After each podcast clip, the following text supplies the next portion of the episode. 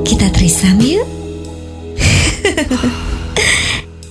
Eits, trisam yang ini beda loh. Trisam, tiga pria, satu masalah. Bersama Bizael, Jody, dan Moreno. Welcome back to Trisam Tiga Tiga pria, satu masalah. Sama gue Randy Moreno Gua Bizal Tanah Saleh. Lagi-lagi lu curang. Gue Devona Kuls. Kalau kata Devona Iya kemarin aku denger Hodi Jendrarto katanya Eh gimana? Jody Hendrarto Oh Hodi Jendrarto sih dia bilang gitu kan J kan di wajah. Iya kan Hodi Jendrarto Hodi. Jendarto. Oh, kebayang. ya. Iya, iya, Saya mau rotong pambut Apa namanya? Eh, Yang menang Dor. Ya itu dia Nah Gimana gimana apa? Enggak enggak enggak enggak enggak enggak Gini nggak jelas. Oke, oke, gue mau nanya. Apa? Lu sekarang eh, kira-kira apa yang lu kerjain sekarang buat nyari duit itu udah sesuai dengan passion lo atau enggak? Kalau gua Iya. Kalau Sekarang lu gua- ngerjain apa sih? Gua itu sekarang ngerjain di gua itu Kuli Entertainment. Asik. FTV, FTV. eh, terus eh, Ertong, enggak bukan. Ertong sama Ledom. Nggak mau banyak skandalnya nanti. eh justru skandalnya yang bisa mendatangkan banyak uang buat Nggak lo. mau itu Kan haram zaman itu sekarang kan itu apa? kalau Pansos. iya pansos Oga, emang bikin itu apa? Ngajak tidur coba. eh ngajak tidur youtuber mungkin. ya gua Atau nggak bikin single. Heeh. Terima kasih. Enggak, enggak, enggak, enggak. Oke, jadi gue itu eh, kuli hiburan, kuli kuli panggung hiburan, terus eh, gua bisnis clothing juga, gua trainer juga, trainer boxing juga. Tapi itu sesuai passion lo semuanya. Sesuai passion gue sih semuanya karena gue enjoy itu gitu loh, gue nggak nggak merasa yang bekerja bekerja banget gitu. Terus billsnya gimana? Cover all your expenses or So enggak? far so good, so far so good sih. Gue karena gue punya keran income lebih dari satu, jadi menurut gue itu oke oke aja semuanya. Ya, so far oke sih. Kenapa lu Hmm. mau tahu banget sih? Ini topiknya Iya, pak. Iya iya iya iya. Gak so far Ya. oke karena gua gua uh, enjoy gua itu salah satu orang yang nggak bisa diem banget. Jadi kalau gua bisa uh, melakukan hal yang produktif, gue melakukan hal itu dan gue bersyukur bahwa gue bisa melakukan tiga hal ini uh, yang menghasilkan and pay my bills juga gitu. Kenapa emang kenapa kenapa? Enggak, jadi gue tuh eh, lagi ngebandingin orang-orang yang kerja sesuai passion sama orang yang kerja aja nggak sesuai passionnya. Terpaksa. Gitu. Ya, Gua kayak- terpaksa. Emang lu terpaksa aja? gue hitungannya jadi gini gue sebenarnya kalau misalnya kita ngomongin soal kerjaan dari awal gue tuh asli orangnya pendiam banget pasti nggak ada yang percaya. Kalau orang-orang yang sekarang udah kenal gue di zaman sekarang ini. Tapi aslinya gue orangnya pendiam banget cuman gue tuh nggak sengaja kecemplung sebenarnya. Awalnya tuh gue masuk ke dunia yang uh, Broadcasting. broadcasting, public speaking dan lain sebagainya ini gara-gara kecemplung. Waktu gue SMP itu gue inget banget waktu lagi masa orientasi sekolah gue anak osis gue jadi panitia. Terus pada saat itu nggak ada yang bisa jadi MC pada saat lagi uh, hari pertama mosnya otomatis kan harus ada yang ngasih tahu kan maksudnya ngasih tahu ke anak-anak barunya. Hmm. akhirnya gue lah yang turun, tangan. langsung untuk jadi MC dan akhirnya dari situ gue terpaksa harus tampil dan sebagainya akhirnya keterusan sampai sekarang cuman basicnya sebenarnya ini bukan passion gue cuman kalau gue lebih re- realistis gue kerja berdasarkan uang Oh berarti lo uh, when you do it ternyata turns out eventually lo lo- loving it gitu. iya ya ya mungkin Atau awalnya mungkin mungkin pada saat itu lu belum tahu passion lu apa. Iya mungkin Iya nggak? Bisa jadi juga. Bisa jadi Tapi kan gini kerasa lagi di saat lo kerja sampai sekarang gitu ya di saat lo kerja benar-benar lo kerja dari dari waktu-waktu tertentu dan lo merasakan kalau lo tidak enjoy dengan pekerjaan lo. Dan di situ gue masih masih masih merasakan sampai sekarang gue menjadi seorang penyiar gue kadang masih ngerasa aduh males ya. Apalagi kalau misalnya penyiar kan harus terkesan ramah. Hmm. Kalau ada pendengar datang harus yang haha iya gimana gimana ngajak ngobrol Sementara lu orangnya- hostile banget ya Nah, orangnya ya. Sebenarnya gue itu bukan orang yang kayak gitu, gitu. Gue tuh orang yang paling males ngobrol sama stranger, sama orang yang gue nggak kenal kenal banget. Hmm. Gue males eh, bercanda-canda sama orang yang gue nggak kenal kenal banget gitu. That's why akhirnya gue pun kuliahnya jurusannya PR ngambilnya. Oh. karena gue mau belajar itu gitu supaya gue ketemu sama orang gue bisa berbaur gue bisa apa ya bisa menyesuaikan dengan orang baru gitu Oh, Hmm. jadi untuk para pendengarnya dan fansnya Jody, ternyata Jody emang gak seramah itu. Jadi, Jadi kalian bisa stop ngefans sama Jody sekarang juga. Dia ternyata selama ini kalau dia ramah itu dia fake. Iya dia fake aja. loh Ya. tapi kan dari fake itu kan bisa membawa bisa karena terbiasa Iya. Iya iya. Oke. kan gue harus membiasakan diri menjadi orang yang lebih baik Tapi in the end, maksud gua gak in the end sih. Secara eh, berkelanjutan sampai sekarang pun akhirnya bukan karena lu this is the only job that is paying my bills kan yang Hmm. membuat lu Iya. loving your job gitu Iya, kan. iya. Gue orang yang palu gak ada. Apa lu mau gue ada. Gue Mm-mm. pernah kerja jadi scriptwriter, gue pernah jadi content writer, gue pernah menjadi kreatif konten, gue pernah jadi produser, gue pernah jadi marketing, gue pernah jadi PR dan apa jadi orang-orang yang berada di di di depan layar. Itu semuanya Hmm. udah pernah gue cobain. Dari semuanya sebenarnya yang paling gue suka adalah menjadi kreatif konten ataupun jadi produser. Orang di belakang layar. Yang lebih konseptual ya. Iya, jadi orang-orang yang lebih mengarahkan nih lo harusnya gini gini gini gini gini ketimbang gua yang ada di depan layar gitu. Hmm. Sebenarnya cuman ya gua masih dibutuhkan dan masih dipakai di depan layar ya kenapa enggak? Orang itu juga mendatangkan keuntungan buat gua. Jadi ya udah gua lakuin aja selagi gua bisa. Iya. Gitu. Tapi balik lagi kalau misalnya ini passion atau bukan ya enggak enggak enggak enggak yakin kalau ini juga passion gua sebenarnya gitu. Gue tanya Moreno nih sekarang. Tadi Hmm. kan Moreno udah nanya gue, gue udah nanya Jody. Sekarang gantian, gue tanya Moreno nih, Ren. Apa? Kerjaan lo yang yang lo buat sekarang apa aja Ren kegiatan lo? Gua sekarang adalah uh, creative marketing integration di uh, radio Salah satu radio ternama. salah satu radio ternama Ya, di radionya radio gue. Eh, Udah kita Ya, sekantor. kita sekantor. Bener. Nah, terus sebelum sebelum di sini gue juga kerja di bidang entertainment juga di di depan layar. Kuliah hiburan ya. Kuliah hiburan juga.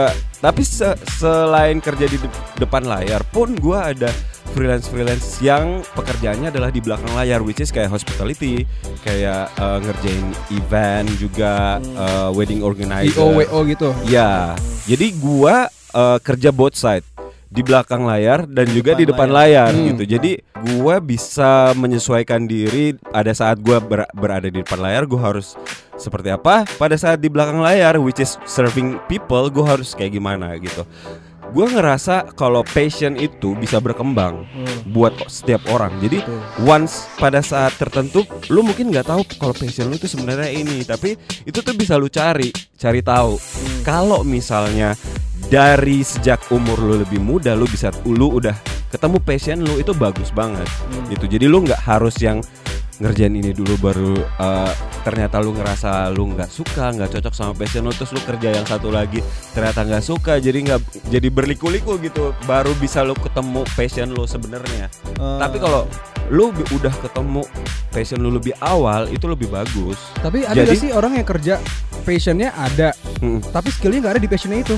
eh, Ngerti gak maksud gua? Ngerti, ngerti. Ngerti. Ada gak ya kayak gitu? Atau mungkin Loh, sebaliknya, skillnya ada tapi dia nggak passion di situ. Loh, lu lu Ya, gue utamanya gue kan iya sih. Mm. lu kan nggak bisa lu kan lu, lu ngomong sendiri kan kalau lu tuh pendiam lu dulu sempat gagap ya kan Enggak, gue enggak gagap. lu gak Ya, gagap Yang gagap itu saya. Lu salah orang. Aduh, Gua salah kalau tadi kalau ngomong gagap kayak kurang enak ya.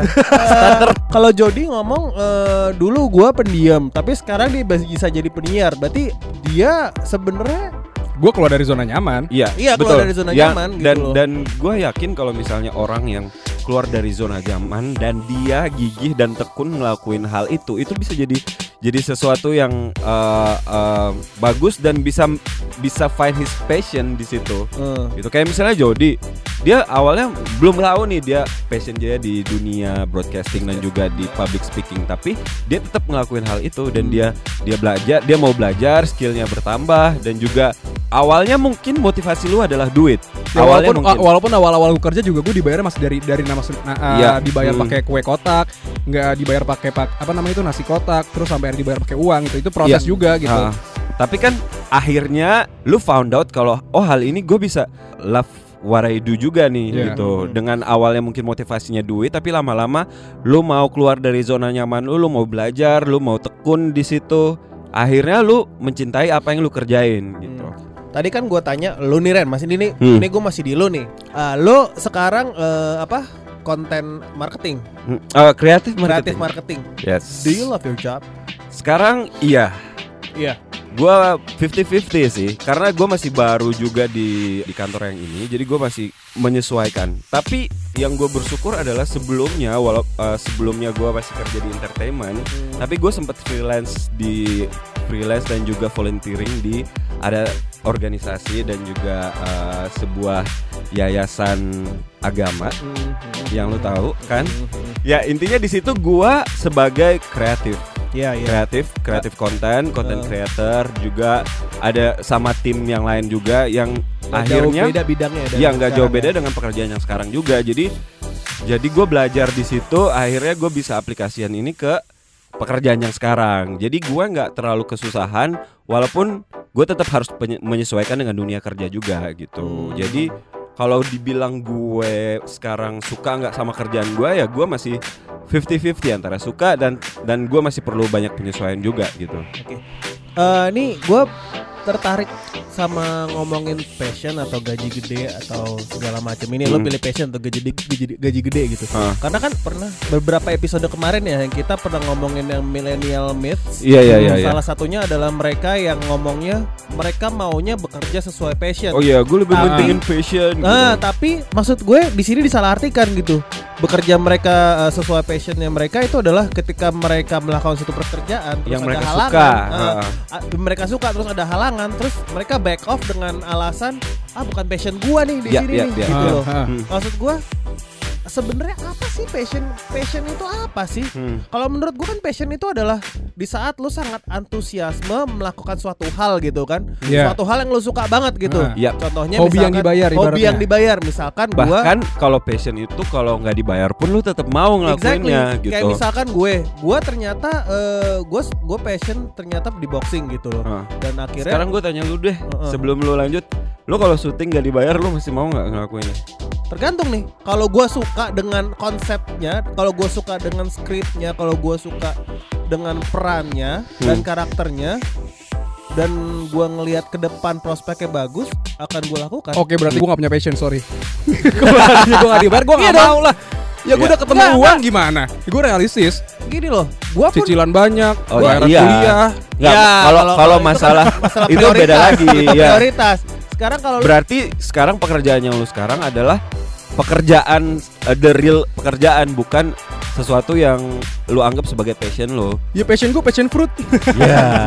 Iya maksud gue kan kalau passion itu kan sesuatu yang melakukan Contohnya dari gue yang tadi gue bilang Gue suka boxing Akhirnya uh, dua tahun belakangan ini Gue menemukan bahwa gue suka boxing Terus gue teliti-teliti-teliti Akhirnya gue bisa eh, sedikit-sedikit trainingin orang buat boxing lah gitu Walaupun gue nggak sejago itu yang trainingin yang Hmm. pelatih-pelatih yang udah jadi atlet nasional segala macam. I keep learning there's always room for improvement buat buat improve itu semua dan akhirnya sekarang eh, ya syukur-syukur gua eh, dibayar untuk melakukan itu gitu loh. Hmm, hmm. Jadi menurut gua kalau lu passionate eh, di saat lu melakukan sesuatu hal eh, secara passionate lu pasti akan menemukan halangan di saat lu melakukan apa pun lu pasti akan menemukan Iya halangan itu dong. pasti. Tapi di saat lu menemukan halangan backing off dan mengatasnamakan itu bukan passion gua that's not right gitu loh. Maksud gua Sekarang itu, itu cuma deh. mental lo aja yang lemah kalau kayak gitu. Sekarang gitu. gini deh, coba let's let's get uh, little bit real dulu ya. Hmm. Lu mau kerja sesuai passion lo dan setiap kali lu kerjain sesuatu dan lu ngerasa ini bukan passion lu dan lu back off. Kalau misalnya lu masih tinggal sama orang tua lu dan lu ngomong kayak gitu, it's okay. Hmm. Lu belum bayar bills, lu Iya. nggak bayar sewa kontrakan, lu nggak bayar listrik, lu nggak Curhat. bayar apa segala macam. Tapi Iya, sekarang iya, gini deh. Coba lu tinggal sendiri. Nah, lu tinggal sendiri tanpa support dari orang tua lo, lu masih bisa ngomong kayak gitu nggak? Coba kita lihat. Itu loh maksud Hmm. gua. Ya berarti pada intinya passion itu bisa tumbuh dengan sendirinya dong Ya maksudnya kayak ya, ya baik lagi kayak yang gue bilang bisa karena terbiasa jadi karena kita awalnya nggak bisa kita awalnya nggak tertarik tapi karena kita terus menekuni itu terus rutin dengan kegiatan itu lama-lama bisa menjadi passion kita Bisa. Bisa. Tapi eh, itu nggak menutup kemungkinan juga kalau ternyata itu tuh sebenarnya bukan passion asli lo, tapi lu men- lu menjadi mencintai pekerjaan Nah, lo gitu loh. Gua gua pun- eh, itu adalah yang gua temukan itu adalah antara lu doing what you love and getting paid Hmm. or lu love what you do and Yes. get paid. Ha, ha. Itu aja gitu maksud gua kalau gua kalau kita eh, Jody deh ngomong kita ngomong soal love what you do and get paid gitu. Mhm. Contohnya Jody gitu maksud gua dia kan awalnya nggak tahu gitu. Gua kecemplung aja di sini Iya, kata iya. Jody gitu kan. Gue pertama jadi MC, gue pun eh, siaran dulu dibayar pakai eh, kue kotak, nasi kotak, akhirnya pakai cash sampai sekarang dia Oh. jadi penyiar yang tersohor Hodi Jendrato. Hodi Jendrato gitu kan. Kalau iya benar itu Iya gue kan? juga gue juga setuju karena awalnya awalnya gue di dunia entertainment pun gue nggak bukan sesuatu hal yang gue impikan gitu. Aha. Iya, Jadi iya, kayak iya, iya. berjalan aja gitu kayak ada Betul. kesempatan untuk masuk ke dunia entertainment terus dapat bayaran ya udah semuanya itu berkembang dengan Iya, sendirinya betul, karena gua betul. mau gua mau push diri gua untuk belajar sesuatu yang baru gitu dan gua menemukan bahwa memang uh, passion gua adalah di dunia entertainment atau lebih generalnya sih kayak Dunia kreatif. uh, dunia kreatif dunia dan kreatif. performing Oh. sih. Ya berarti sebenarnya pada intinya apa pun yang lo kerjakan Hmm. jangan lo terpaku jangan lo membatasi diri lo dengan oke passion gua A Jadi gue harus lo- tetap di A Nah gitu. itu Hmm. jadi maksud gue lo juga harus mengembangkan pikiran lo, lo harus mengembangkan diri lo untuk keluar dari zona nyaman karena siapa yes. tahu si passion lo ini gak cuma A doang tapi bisa juga jadi B, C, D, E, Iya, F, G, H I, sampai Z Ah, gitu. ah. Karena passion gak cuma satu menurut gue gitu. Iya, Betul, iya, semuanya iya. itu bisa menjadi passion lo asalkan lo mau melakukannya dan mencintai itu lama-lama Iya. juga akan menjadi passion lo gitu. Satu hal yang perlu diingetin adalah lu harus cari tahu lebih awal apa yang lu suka dan lu kerjain itu dengan tekun dan gigih. Kalau misalnya masalah kerjaan itu beda lagi. Karena kerjaan lu harus kerja untuk membayar uh, Bills bills lo. Itu iya. beda gitu. Tapi ada beberapa orang yang ngotot nih. Hmm. Gua maunya kerja sesuai dengan passion gua. Nih gua reverse to uh, uh, this uh, apa ya? Gua ngomongin naive millennials Hah. yang mereka menolak untuk kerja 9 to 5 dengan bidang yang mereka tidak sukai dan mereka cuma mau bekerja sesuai dengan passion mereka. nggak apa-apa Ah, iya. asal lu punya modal dari orang tua Betul. lu yang untuk meng- yang bisa support lu untuk sementara lu kejar passion lu ya lu nggak perlu bayar bills karena orang tua lu yang bayarin Betul. Ntar di saat lo udah mulai di umur-umur Ah. 25, 26, 27 lo belum mendapatkan pekerjaan yang tetap baru lo pusing Iya. ya. Iya, Sekarang benar, mungkin benar, benar. mungkin kalau di usia-usia 19, 20 tahun nah ya udahlah ya terserah gue gue mau kerja di mana, gue Hmm. masih nempel sini 3 bulan kerja probation udah langsung cabut lagi pindah ke Iya, kerjaan iya, yang iya. lain terus Iya, iya, pindah lagi. Ya itu terserah nggak apa-apa. Maksud gue juga lo juga tidak bisa membatasi diri. Lo harus harus cari hal-hal baru sebanyak-banyaknya. Hmm. Tapi nanti di saat usia-usia lo mungkin yang udah di angka 25, 26, 27 ke atas dan lain sebagainya, Ah. itu lo pasti akan tersadar sendiri. Oke, gue harus kerja di satu tempat yang ya ibaratnya gue harus settle di sini gitu Iya. untuk masa Ya, depan gue. Kalau gitu. kalau menurut gua, lu kalau masih umur 22 sampai 27, gue segue gitu ya. uh, itu kalau misalnya lu masih mau ganti pekerjaan atau tempat kerja it- belum masalah, masih nggak masalah karena umur segitu dan uh, di umur segitu posisi belum terlalu tinggi-tinggi banget. Jadi lu mau uh, swift pekerjaan Tapi jangan itu salah masih- loh.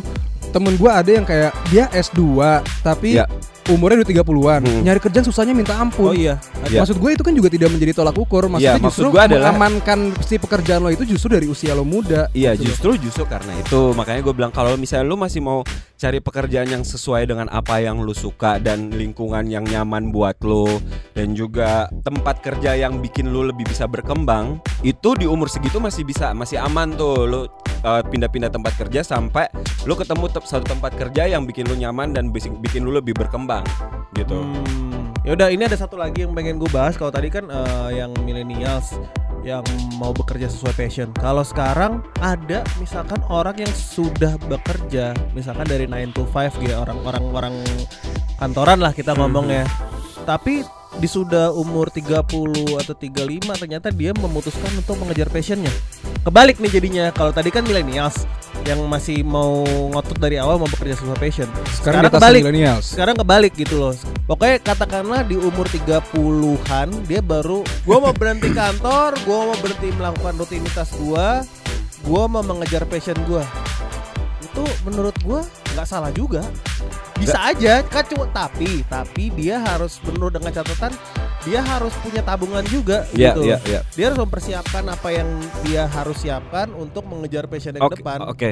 Kalau kalau gue bilang gini, gini kita gini aja ya. Gimana caranya memutuskan untuk berhenti pekerjaan kali ya? Iya, berhenti berarti dari pekerjaan. dan mengejar passion lo yang selama Hmm. ini eh, lu pengen banget gitu loh. Hmm. Cuma lu baru berani mengambil keputusan kalau oke ya udah gua mau misalkan oke passion gue di mainan gue mau buka toko mainan sekarang. Kalau gue Betul. bilang ada tiga hal yang gal- ada tiga hal yang kita harus lihat kalau misalnya kita nggak nyaman sama pekerjaan kita dan kita mau mutusin untuk berhenti dari pekerjaan kita yang sekarang. Hmm. Nah, yang pertama pekerjaan itu gajinya atau uh, salary-nya cukup nggak menurut lo? Iya. Gitu. Terus yang kedua adalah lu di situ belajar nggak? Atau lu di situ berkembang nggak? Yang ketiga, lu di situ profile lu atau track record lu bagus nggak? Atau eh, CV lu jadi bagus nggak dengan lu bekerja di situ Hmm. gitu.